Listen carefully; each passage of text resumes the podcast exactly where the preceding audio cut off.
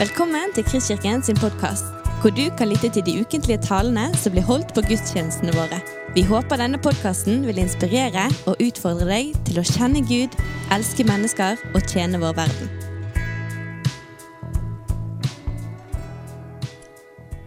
Kjære alle sammen. For eh, mange år siden så var jeg med i et stort barnekor på Rå skole. Jeg aner at mine foreldre hadde hørt at eh, det var bra at eh, barn prøvde seg på ulike aktiviteter. Jeg havnet i et eh, kor sammen med ca. 70 andre barn, hvor to av oss var gutter. All ære til mine foreldre for det forsøket, men de innså nok etter hvert, det jeg skjønte hele tiden, at sang neppe kom til å bli mitt levebrød, og at det fantes andre arenaer for min utfoldelse enn i korlivet. Og med den aller største respekt for både koret og for korlederne, jeg har aldri savnet det barnekoret på Rå skole. Jeg tror at det handler om at jeg hadde et sånn eh, passe lunkent forhold til det. Det er jo nemlig sånn at eh, vi savner det vi har et godt forhold til. Og da er det egentlig veldig fint for meg i dag å kunne få si at eh, jeg savner menighetsfellesskapet med dere, mine gode brødre og gode søstre. Ikke minst nå som eh, det er spesielle tider. Vi skulle gjerne ha møttes eh, oftere heller enn sjeldnere. Vi er i en eh, tid med mye usikkerhet, med store og gode spørsmål og få, få sikre svar. En tid der det òg er helt naturlig, kjære venner, at frykt og bekymring melder seg. Noen av dere som eh, hører på nå, er gjerne smittet av dette viruset allerede. Noen er redd for å bli det. Noen er redd for at ens nærmeste blir det. Noen er kanskje redd for å være symptomfrie smittebærere i denne tiden. Noen er mer opptatt av det som har med jobblivet å gjøre. Kanskje er du permittert fra din jobb. Kanskje er du redd for å bli det. Kanskje er du redd for at en av dine nærmeste blir det. Eller kanskje har du lederansvar et sted og må ta vanskelige valg i et ukjent farvann. Noen har gjerne en samfunnskritisk funksjon og begynner å kjenne at det tærer på kreftene med denne koronaepoken. Noen bekymrer seg kanskje aller mest for makrobildet her. Hvilke type samfunn ender vi opp med på andre siden av denne reisen? Mens andre igjen er mer individorientert og har relasjonsutfordringer i heimen eller besøker nye nivåer av ensomhet i denne tiden. Mye kunne vært nevnt. Og det er fullt forståelig og helt naturlig at det oppstår floker i livet når alt snus på hodet. Det er forståelig at frykt og bekymring banker på døren og melder sin ankomst. Men da, kjære venner, er det òg ekstra godt når det plutselig er påskedag som står for døren og banker på. Påskedag som melder sin ankomst. For som Elin Konstanse var inne på i sted påskedag er håpets dag. Påskedag er alle snuoperasjoners mor. Snakk om å gå fra det dypeste mørke til det sterkeste lys på svært kort tid. Noen venner av Jesus fikk nærkontakt med dette for 2000 år siden. Og på enkelte måter kan deres situasjon minne litt om den vi erfarer nå. Deres kjente verden var totalt snudd på hodet i løpet av kort tid. Bak lukkede dører satt de i frykt for det som var på utsiden. Spørsmålene var mange. Usikkerheten var stor. Er dette vårt nye liv? Er dette den nye normalen? Men midt i dette så trer den oppstandende inn i deres verden. Og uten å begynne å navigere i ethvert spørsmål de satt med. Uten å anklage de for mye frykt eller lite tro. Så bare kommer han inn med sitt nærvær og sier 'Fred være med dere'. Han viser de sine naglemerker og sier igjen 'Fred være med dere'. Og med ett var alt endret for Jesus sine venner. Troen skjøt opp.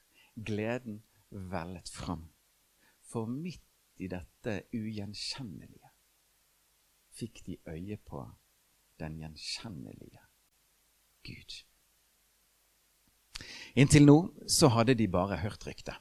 Maria Magdalena hadde tidligere på dagen gått fra fortvilelse til fryd, fra kraftløshet til fryktløshet, fra subbene til stormene.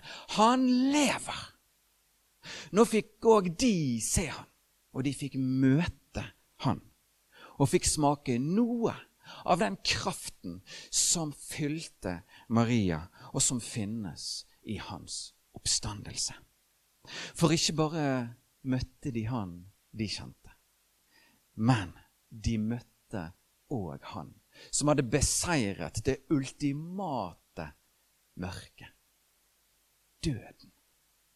Menneskets verste fiende og store overmakt. I 2007 fikk jeg et streif av denne kraften i oppstandelsen da jeg var i Jerusalem med en gruppering fra Bergen. og En av dagene var vi i det som kalles Gravhagen. Og det som slo meg aller mest den dagen på det stedet, var hvor kraftfullt det var med en tom grav.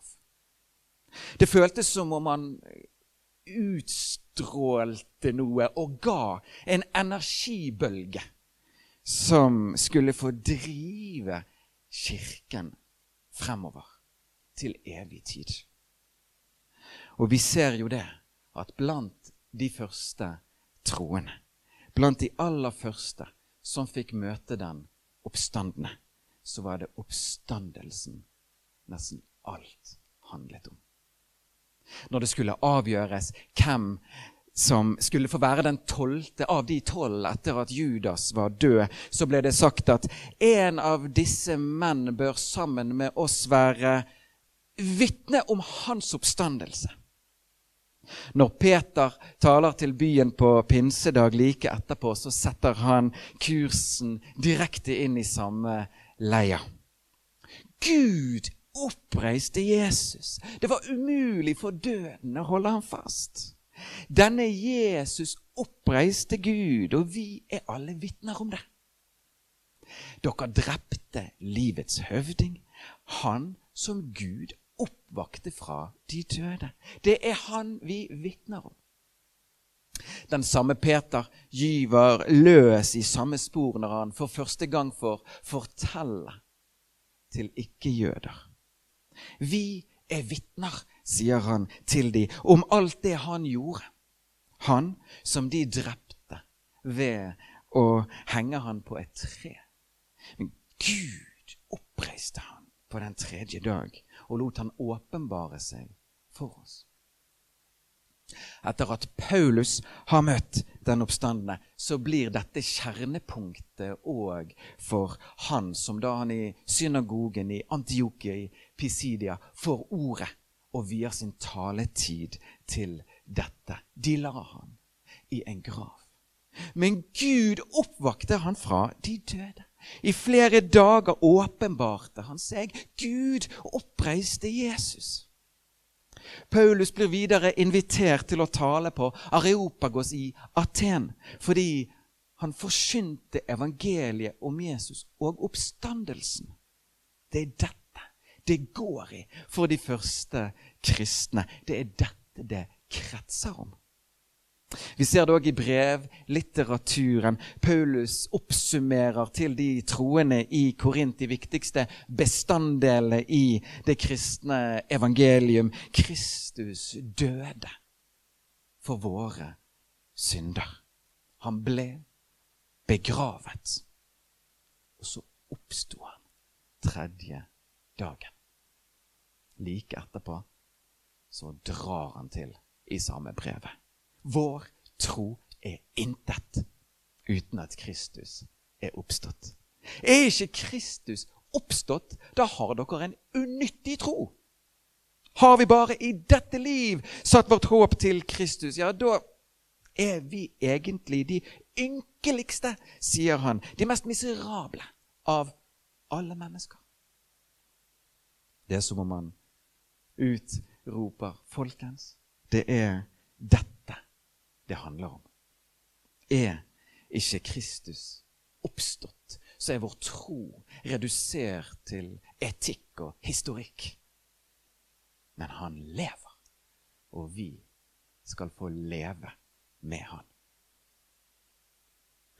Venner, oppstandelsen er òg mer enn et kjernepunkt, slik eh, Hebreabrevets forfatter nevner oppstandelsen blant de grunnleggende ting i den kristne tro. Men oppstandelsen er òg et springende punkt. Ja, for at Jesus levde, er greit. Ingen tviler på det. At han gjorde stort inntrykk og mye godt, ja. At han døde, ja, selvsagt gjorde han òg det. Det skjedde nok på et kors. Men at han lever Om det er sant, så må jo jeg ta stilling til han i dag. Da er dette mer enn troslære. Da handler Jesus om mitt liv. Og han blir nødvendigvis da òg et håp i møte med mitt livs aller største problem, nemlig min egen død. Hebreabrevets forfatter taler om dette uunngåelige for oss mennesker, at døden før eller siden finner veien til ethvert liv. Men noen, står det, synes dette er så vrient å forholde seg til at de lever hele sin levetid på jorden, bundet av frykt for en gang å dø. En engelsk bibeloversettelse sa det sånn at man er dødsredd døden. Og er det én som både ser og vet hvor vond og vrien døden kan være for oss mennesker, hvor vanskelig han kan være å forholde seg til, så er det Gud. Han vet hvor ubarmhjertig den er. Hvordan han tvinger seg fram og ruver triumferende i våre liv, og hvor maktesløs og hjelpeløs vi kan føle oss i møte med ham. Jeg husker når en eh, nær venn av meg for noen år siden mistet sin mor til kreften.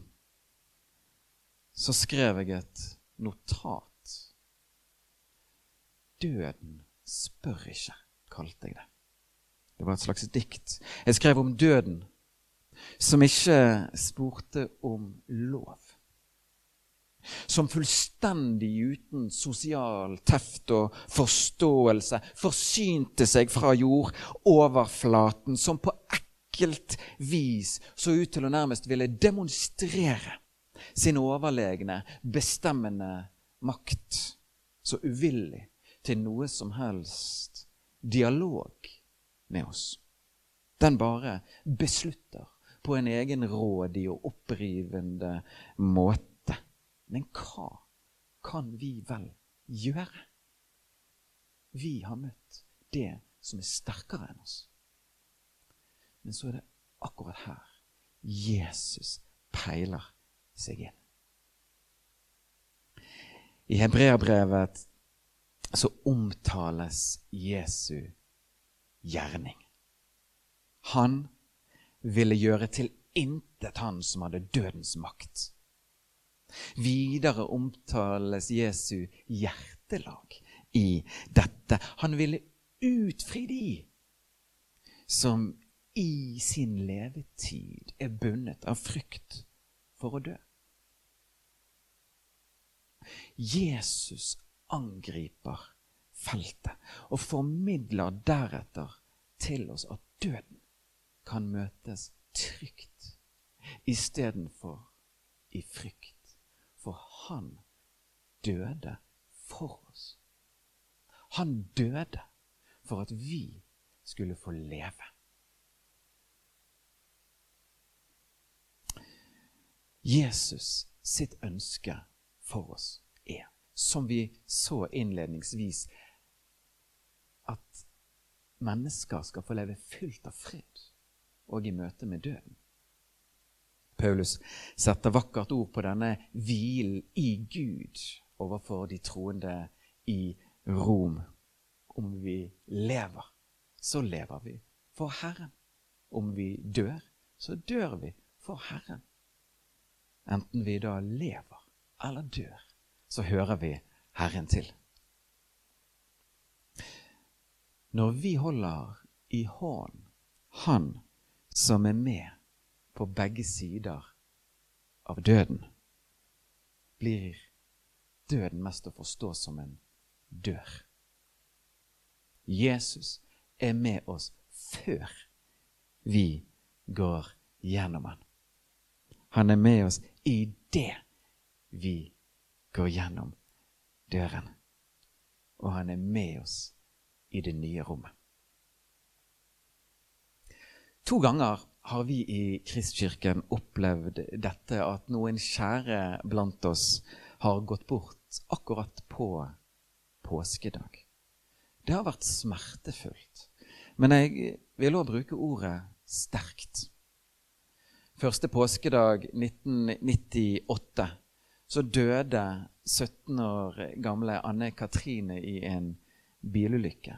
Hun var veldig aktiv i ungdomsmiljøet vårt og for øvrig en nær klassevenninne av meg. Påskedag åtte år seinere dør Solveig av kreft. Hun var en strålende dame, en sol på vei. For øvrig mor til min kone midt i alt dette smertefulle i disse tilfellene, så var det òg noe kraftfullt ved det at det skjedde på påskedag. For ingen annen dag kaster så tydelig lys over styrkeforholdet mellom Jesus Kristen, Kristus og døden. Ingen annen dag gjør det som påskedag gjør det. Ingen annen dag trygger pårørende slik påskedag gjør det.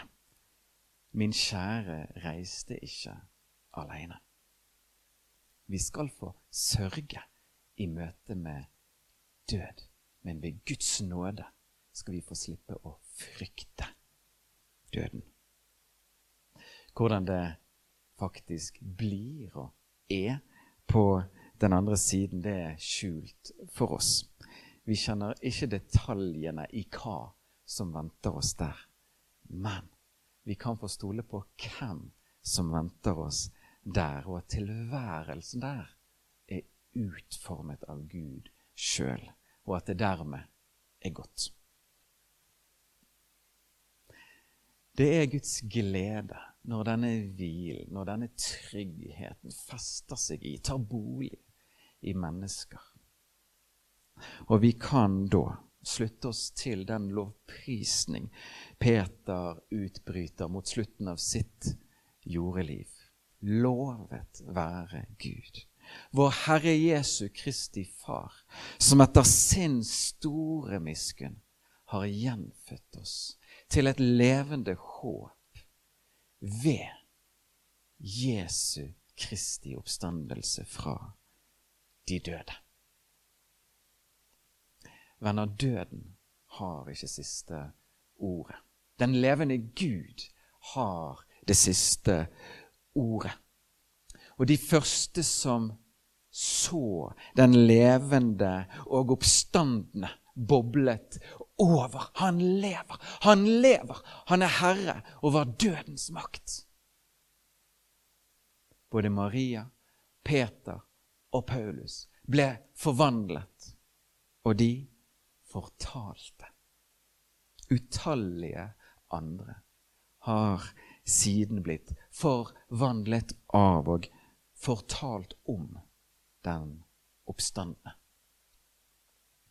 Det er nå vårt privilegium å få fortelle til verden at Jesus lever, og at vi skal få leve med han. På denne siden av døden og på den andre siden. For døden måtte gi tapt mot Gud.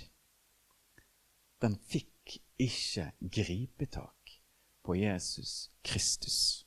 Og evig skal derfor døden være Kristus underlagt. God påske. Du har lyttet til en podkast fra Kristkirken i Bergen. Vi håper du har blitt inspirert og utfordret i din vandring med Gud. Vil du vite mer om oss, så klikk deg inn på kristkirken.no.